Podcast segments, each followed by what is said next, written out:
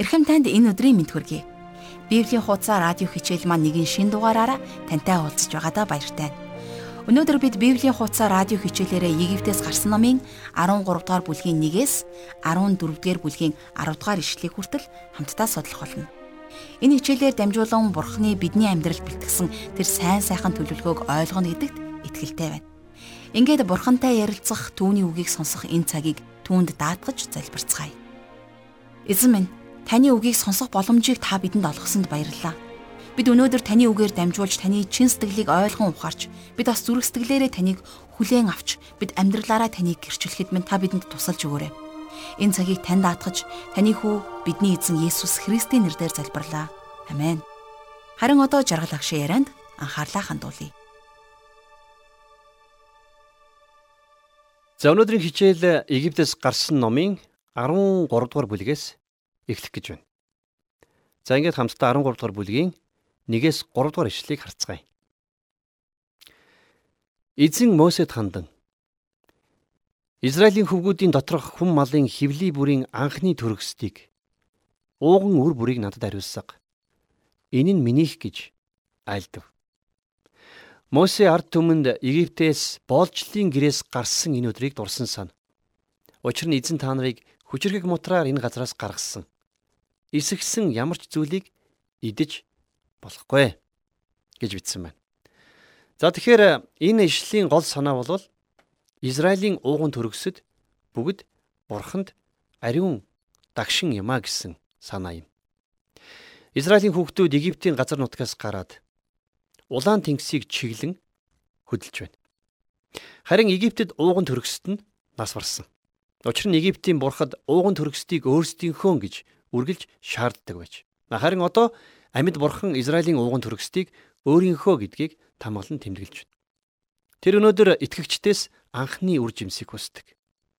Хэдийгээр бурхан бидний амьдралд эхний байр суурийг хүсдэг ч гэсэн олон итгэгчид түүнийг хамгийн сүүлд тавьдаг учраас асуудлууд дор дороос ундран гарсаар байдаг. Бурхан биднээс хамгийн шилдэг, хамгийн хаан сайныг өгөөч гэж шаарддаг. Гэтэл бид нар жаахан цаг зав гарвал эзний төлөө ажилдаг.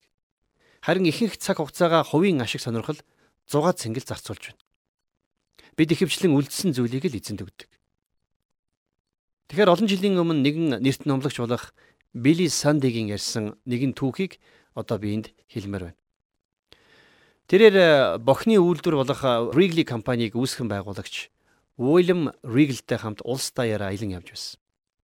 За тэгэхээр тэр үед ноён Риглин бол Христ итгэлт хүн байж. Тэр галт тэргээр аялж явахдаа Билли Сандейд өөрийн хийсэн бүгдийнхээ 11-ийг эзэнд өгөхийг амьдралдаа хэрэгжүүлдэг тухайга ярьсан байна. Тэгээд тэр энэ нь сүүлчийн 11 биш байсан гэдгийг хэлсэн. Уильям Ригли өөрийн олсон зүйлийн эхний 11-ийг эзэнд өгсөн. Харин эзэн түүнийг яаж ивэж амжилтанд хүргэсэн нь үнэхээр сонирхолтой. Одоо бурхан хүн болгонд материалын байдлаар хөгжин дэвжихийг баталгаа болгодгүй ч гэсэн өөрийг нь хамгийн түрүүнд тавих эрэгтэй эмэгтэй хүмүүсийг хэрхэн ивэдэг нь сонирхолтой. Гэхдээ түүнийг хамгийн түрүүнд тавьдаг гэж хэлээд бүтэн үнэн үүсэв. Энэ нь үг за бас үйлс хоёроор хэмжигдэх зүйл юм. За энийг гэрчлэх зүйл бол Израилийн хүүхдүүд олон жилийн турш боол болж үйлчилж байсан Египтээс дөнгөж гарч ирсэн тэр үе байгаа юм. Энэ үед за жохом яг л энэ үед бурхан тэднээс ууган төрөсдгийг нь шууд шаардаж байна. Олон хүмүүс хараач бурхан та биднийг дөнгөж сая боолжлоос авран чөлөөлсөн. Гэтэл одоо тэр бидний ууган төрөсдгийг өөрийнхөө төлөө өг гэж шаардаж байна гэж маргаан гаргаж магадгүй. Эзэн Есүс Христ таны болон миний төлөө яг л тэр ижилхэн зүйлийг хийсэн. Тэр бидний гмийн хүлээснээс авардаг. Биднийг чөлөөлдөг. Биднийг эрх чөлөөтэй болгодог. Эзэн биднийг өөрсдийгөө түүнд өгөхийг хүсдэг гэдгийг бас хэлдэг. Та магадгүй би эрх чөлөөтэй гэж хэлж болох юм. Гэхдээ та үнэхээр яг эрх чөлөөтэй юу? Таныг бурхан Есүс Христ хүүгийнхээ үнэт цус түүний амиар залин худалдаж авсан. Тэгэхээр та өөрийгөө түүнд сайн дураар өгч түүнийг хамгийн түрүүнд тавьснаар таны амьдралд ивэл ирэх болно. За цааш нь бүгдээр харцгаая. Эзний та нарт өгөхөөр үг дээдэст чинь тангаргалсан тэр газар буюу Канаанчууд, Хитчүүд, Аморчууд, Хивичүүд, Ибесчүүдийн нутаг цүү балаар бялгсан газарт эзэн та нарыг аваачих үед та нар энэ сард энэ ёслолыг тэмдэглэх ёстой гэж 5 дугаар ишлэлдэр бичсэн байна. За өөрөөр хэлэх юм бол Израильчууд дээгүүр өнгөрөх баярыг болон эсгээгүй талхны баярыг тэмдэглэх ёстой байсан. За тэгээд цааш нь харах юм бол 6-аас 7 дугаар ишлэлдэр 7 өдрийн турш та нар эсгээгүй талхыг идэж 7 дахь өдөр эзэн зориулж баяр хийгдэв. 7 өдрийн турш эсгээгүй талхыг ид. Өөрсдийнхөө дунд болон бүх хил хязгаарынхаа дотор өөрсдийнхөө дунд та нар эсгэх хөрөнгийг бүү байлгаа гэж хэлсэн байна. Тэгэхээр Израильчууд Египтээс явх аялалдаа өөрсдийн гурилын савыг яг байгаагаар нь аваад гарсан. Одоо савнд нь юу байсан гэхлээр эсгээгүй зуурсан гурил байсан. Би та нарыг хөрөнгнөөс салгахыг хүсэж байна. 7 өдөр эсгээгүй талахыг идэх болно. Өөрсдийнхөө дунд болон бүх хэр хязгаарынхаа дотор та нар эсгэх хөрөнгийг бүү байлга гэж Бурхан энд хэлсэн байна. Энэ зан үйлийг үеэс үед дамжуулах ёстой байлаа. Тэгснээр хүмүүс Бурхан тэднийг Египтийн газар нутгаас чөлөөлөн гаргасныг үргэлж санах байсан юм. За энэ тухай 8 дугаар ишлэгийг харах юм бол Тэр өдөр чи хүүдээ намайг Египтээс гаргахад эзэн миний төлөө үйлдэлсэн үйлсээс болж ингэсэн юм а гэж хэлээ гэж маш тов тодорхой зааврыг өгсөн байна. За ингээд 13 дугаар бүлгийнхээ 9-оос 12 дугаар ишлэгийг харъя. Үүнийг өөрийн гарт өөртөө тэмдэг болгон хоёр нүдний хоорондох сануулга болгож эзний хуулийг амандаа байлга. Учир нь хүчит мотраараа эзэн чамайг Египтээс гаргасан билээ. Тийм учраас жил бүр товлсон цагт нь энэ зарилгийг сахи. Эзэн чамд болон чиний өвөг дээдс тангаргалсан ёсороо чамайг Канаанчуудын нутаг руу аваачин. Тэр газрыг чамд өгөх үед чи хевли бүрийн ууган үр болон өөрт байгаа мал бүрийн анхны төлийг эзэнт зариул. Эр хүүстэн нь эзнийх юмаа гэсэн байна. Ийхүү Израилийн хүүхдүүдийн бүх мал сүргийн ууган төрөсөд эзэнд харьяалагддаг байж. За энэ зан үйл цааш залилтоор үргэлжилдэг. Илжигний анхны төл бүрийг хургаар залих ёстой байсан. Бурхан урт чихт амьтныг өргөл болгохыг хүсдэггүй байж. Тэр өргөл нь хураг байх ёстой байсан. За үүнийг Египтээс гарсан номын 13 дугаар бүлгийн 13 дугаар ишлэлдэр. Харин илжигний анхны төл бүрийг хургаар золихтун. Хэрвээ золихгүй гэвэл түүний хүзүүг нь хугал. Чиний хөвгүүдийн дундаас хүний альва ууган үрийг чи золь.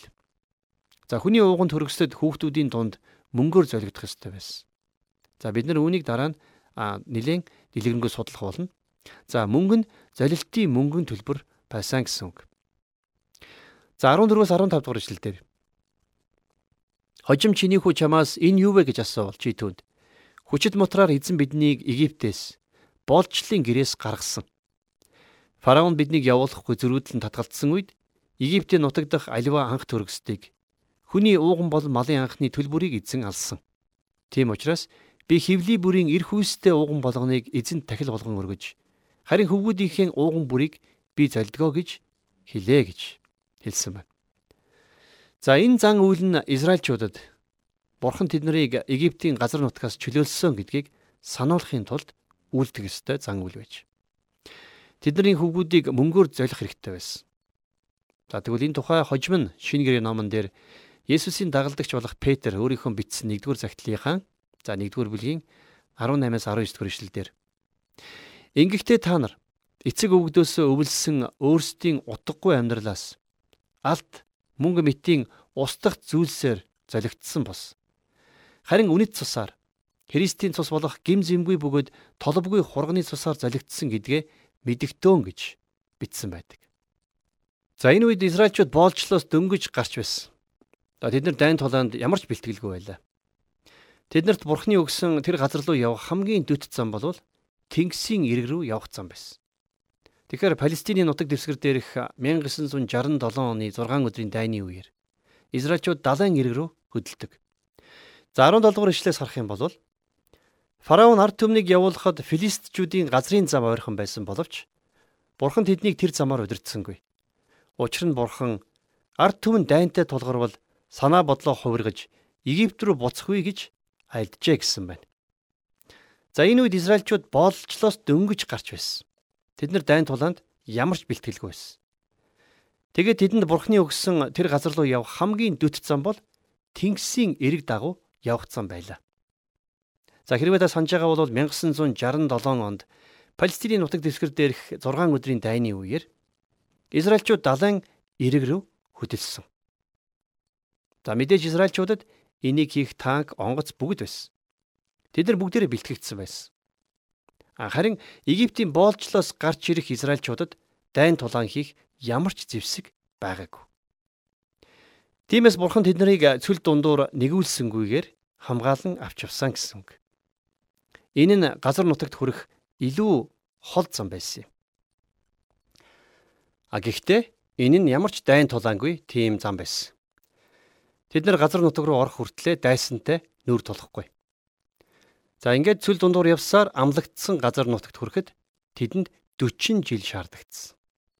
За тэр үед тэд нар айрамтай болж харин бэлтгэгдсэн байх болно. За энэ тухай бид нар дараа дараачихаа хичээлээс илүү дэлгэрэнгүй үзэх болно. Гэхдээ бурхан тэднийг гайхамшигар чөлөөлсөн шүү дээ гэж магадгүй хин нэг нь хэлэх бах. Тэр үнэ. Гэхдээ иймэрхүү хандлага намайг хаяа өвтгдөг. Христ итгэл зарим хүмүүс бурхан тэдний төлөө үргэлж гайхамшигыг үйлдэх ёстой гэж боддог.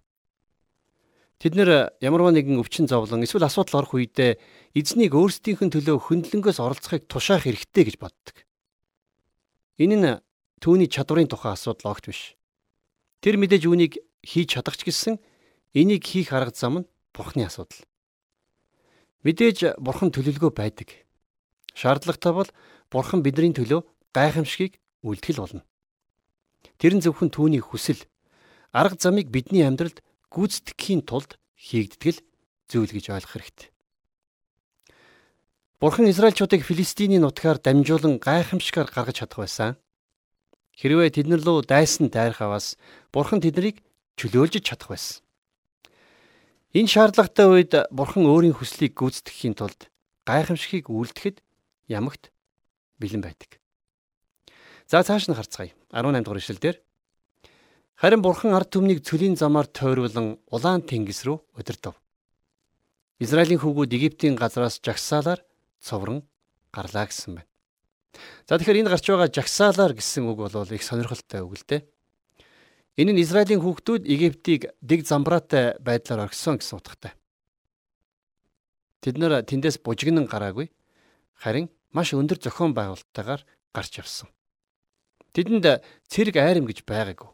А гэхдээ тэд нар нэг игнэндээ 5 хүн болж игнэгээр жагсаж гарсан. Хэрвээ та тэднийг цөл дундуур явж байгааг харсан бол тэд нар хамгийн эмх замбраатай баг гэж харагдахаар байлаа. За 19 дугаар эшлэлдэр Мосе өөртөө Йосефийн ясыг авлаа. Учир нь Йосеф Израилийн хүүгүүдээр хатуу тангаргалуулад Бурхан заавал та нарт санаа тавина. Та нар миний ясыг өөрсдийнхөө хамт эндээс авч яваарай гэсэн юм. Харин Эхлэл номын 50 дугаар бүлгийн 24 дугаар ишлэлийг эргэн сөхөж харах юм бол маш сонирхолтой ишлэл байдаг. За энэ ингэж хэлсэн байна. Йосеф ах トゥ нартай хандаж би үхвч Бурхан та нарт туслахаар хурч очиж та нарыг энэ газараас дагуулan гаргаад Авраам, Исаак, Яаков тангаргалсан тэр газарт аваачнаа гэд гэсэн байдаг бол за Эхлэл номын 50 дугаар бүлгийн 25 дугаар ишлэлдэр үргэлжлүүлэн Йосеф бас Израилийн хүүхдүүдээр тангаргалуулад хэлсэн нь Бурхан та нарт заавал туслахаар ирнэ. Тэгээд та нар миний ясыг эндээс авч яваарэ гэж хэлсэн байна. За Йосефийн эдгээр үгсийг хэлснээс хойш бараг 200 жил өнгөрсөн байсан. Харин одоо тэр цаг ирсэн. Йосеф нас барахтаа тэрээр Египтийн үндэсний баатар байсан учраас түүнийг Египтэд оршуулах ёстой байлаа. Харин Йосефийг мэдхгүй нэгэн фараон хожим гарч ирсэн учраас Йосеф одоо үндэсний баатар байхаа болсон байсан юм. Тиймээс түүний ясыг эсэргүүцэлгүйгээр Египтээс гаргаж болох байсан байна. Йосеф амлагдсан газарт оршуулгадахыг хүсэж байсан. Харин яагаад түүний ясыг авч амлагдсан газар нутагт оршуулах ёстой байсан юм бэ? Хэрвээ Йосеф хизээ нэгэн өдөр үхлээс дахин амилна гэж мэдэж байсан бол түүний бунхан Египтэд байна уу, Израилийн газар нутагт байна уу? Ер нь ямар ялгаа байсан юм бэ? А гэхдээ асуудлын гол учир нь тэр Деважин руу явна гэж хүлээж байгаагүй байх юм. Тэрээр мянган жилийн хаанчлалын төлөө за мөн дараа нь түүний хүмүүсийн дахин амьлалтанд дахин амьлах болно гэдгээ хүлээж байсан. Энэ нь тэдний хувьд Деважин болох юм. Тэгэхээр энэ л ганцхан Йосефийн найдвар байсан байна. За бас Мосегийн ч найдвар. Итгэлээр Мосе Йосефийн ясыг амлагдсан газар нутаг руу авч явсан. Ийхүү Израилийн хүүхдүүд халуун шатах цөл рүү чиглэн хөдөлж байна. Цөлийг Мосе агуу аимшигтай цөл гэж хэлсэн. Тэд нэр энэгээр явхдаа наран түлэгдэг. Яг гэхэлэр тэднийг өдөр нь үүлэн баг нь дагдаг байж. Энэ үндэстэнд өөр бусад үндэстнүүдэд хизээч байгаагүй нэгэн зүйл байсан юм. Бурхны харагдах оршихуй буюу алдар нь тэднэртэй хамт явж байсан. Тэгэхээр хожим нь Ром хотынд бичсэн загталтаа Паул хэлэхдээ за тухайлах юм бол 9 дугаар бүлгийн 4 дугаар эшлэлдэр Тэд бол Израильчууд бөгөөд үрчлэл, алдар, гэрээнүүд, хуулийн гардуулалт, үйлчлэл ба амлалтууд нь тэднийх юмаа гэж батлан хэлсэн байдаг. Энэ хүмүүсийг бурхны харагдах оршихуй алдар удирдан дагуулж байсан. Тийм ээ. Тэд Тэнгэрлэг удирдамжийн дагуу Итам гэдэг газар руу аялсан юм. За 13 дугаар бүлгийнхээ 20-оос 22 дугаар ишлэгийг харцгаая. Тэд Сукотоос хөдөлж цөлийн захад байх Итамд буудлав. Эзэн тэдний замыг заахаар өдөр нь үүлэн багнаар байж тэдний гэрэл түлхэхээр шөнө нь галан багнаар байж тэднийг өдөр шөнөгүй явуулахын тулд тэдний өмнө явж байлаа. Өдөр нь үүлэн багна шөнө нь галан баг нь ард түмний өмнөөс зайлсангүй гэсэн байна. За чуулганд хүртэл бурхны харагдах оршихуй өнөөдөр байхгүй. Харагдах юу ч чуулганд өгөгдөг. За энэ тухай Эфесотынд бичсэн загтлынхаа 1-р бүлгийн 3-р ишлэлдэр Паул хэлэхдээ Тэрээр Христ дотор Тэнгэрлэг газар дах аливс сүнслэг өрөөлөөр биднийг өрөөсөн гэж хэлсэн байна. Тэгэхээр энэ ямар учиртай вэ гэхлээр зэрэг тэд нар Христийн эрхийг хүлээж байсан. Харин бид нар түүхийн яг тэр үйл явдал руу арагшаага харж байна гэсэн үг. Бидэнд итгэлээр алхахын тулд Бурхны харагдах оршихуй хэрэггүй. А тэднэрт алдар нь хэрэгтэй байсан. Учир нь золилт одоо байгаа шигэ тэр үед хараахан биелэгдээгүй байсан. Бурхан өөрийнхөө хүмүүсийг цөл дундуур аюулгүй авчрахын тулд боломжит тохиолдол бүрд бүхий л бэлтгэлийг урдчлан хийсэн байж. А гэхдээ бурхан тэднэрт саад бэрхшээлэгч бас бэлдсэн. За юу болсон гэхлээр зэрэг за 14 дугаар бүлгийн 1-ээс 2 дугаар ишлэлийг харцгаая. Эзэн Мосед айлдан эргэж Мигдол ба Тэнгисийн дунд Пи Хахеротын өмнө буудал гэж чи Израилийн хүүгүүдэд хэл. Та нар Баал Зифоны харалдаа эсрэг талд далайн эрэгт буудал За эдгээр газруудад байрлах нь мэдээж боломжгүй байсан. Гэхдээ тэд нар нийл мөрөн ба улаан тэнгисийн хооронд хаа нэгтэй байсан гэсэн үг. Харин фараон Израилийн хүүгүүдийн талаар 3 дугаар ишлэлдэр юу гэж бичснийг харцгаая. Тэд тэр газарт төөрч цөлд мухардсан гэж бодноо гэж энд хэлсэн байна. За фараонд Израилийн хүүхдүүдийг тагнах тагнуулж байсан. Тэгэхээр 2 сая гаруй хүний хөдөлгөөнд яагаад ч нуухад хэцүү байх болно. Тэгэхээр 2 сая гаруй хүний хөдөлгөөн нуухад хэцүү байх болно. Тэгэхээр фараон Израильчуудыг эрг хавийн газар хүртэл Филистиний нутгаар дамжин хүрнэ гэж хүлээж байсан. Тэднийг цүл дундуур явж байгааг сонсоод тэд төөрөөд хаашаа явж байгаагаа мэдэхгүй байгаа юм байна гэж бодсон байна. За тэр тэгж бодоод урхинд орно. Тэгээд тэр тэдний ардаас нэхэх болно гэж бурхан хэлдэг. Фараон Израильчуудыг явуулахдаа дурамчхан байсан нь мэдээж. Бурхан фараон гих энэ хүнтэй хараахан ажиллаад дуусаагүй байна. Тиймээс Египтээс гарсан номын 14 дугаар бүлгийн 4 дугаар ишлэлдэр Ийхүү би фараоны зүрхийг хатууруулж тэр тэдний хойноос хөөнө. Би фараон болон түүний бүх цэргээр дамжуулан алдаршиж Египтчүүд намайг эзэн мөн гэдгийг мэдэх болно гэв. Тэд тийхүү хийв гэсэн байна. Египтчүүд хангалттай зовсон гэж та бодж болох юм. Гэхдээ тэднийг ятгах бүр илүү гүнзгий зүйл яг одоо болох гэж байна. За цааш нь харцгаая. 5-аас 7 дугаар ишлэлээр. Ард түмэн зүгтсэн тухай Египтийн хаанд хэлсэнд фараон болон түүний зарц нарын зүрх ард түмний эсрэг болон хувирч тэд бид Израилийг өөрсөддөө үйлчлүүлэлгүй явуулснараа юу хийчих нь инвэ гэцгээв. Фараон тэргээ бэлтгэж өөрийн хүмүүсээ авав.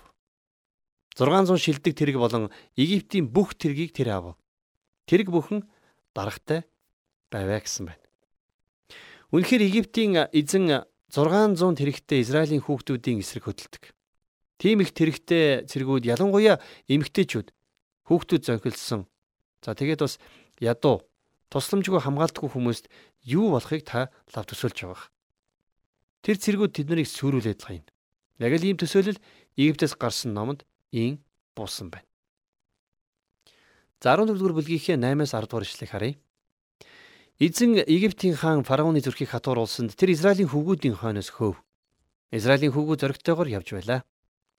Фараоны бүх морд, тэрэгнүүд, түүний мортонгууд ба цэргүүдийн хамтаар Египтчүүд Израильчуудыг хөөсөөр Баал Зифоны өмнө талд Пи Хахеротын хажууд далайн эрэгт буудалж байхад нь Египтчүүд тэднийг гүйцэв. Фараон ойртон ирэхэд өөрсдийнх нь хойноос Египтчүүдийн хөөж явааг Израилийн хүүгүүд харав. Израилийн хүүгүүд ихэд айж эзэн рүү хандан хашгирцгаав. За тэгэхээр Израилийн хүүхдүүдийн өмнө талд улаан тэнгис харин ард талд нь Египтийн цэргүүд байсан. За ямар ч хамгаалтгүй эдгээр хүмүүс диавол ба гүнзгий хөх тэнгисийн хооронд баригдаж байсан. Ёстой л хадны завсар хавчуулсан халиуны зулцэг хөөхийг их аятай болсон. За боддоор харах юм бол тэд нэр тэр үед Израильчуудад үнэхээр онцгүй таагүй тийм газарт оршин байсан юм.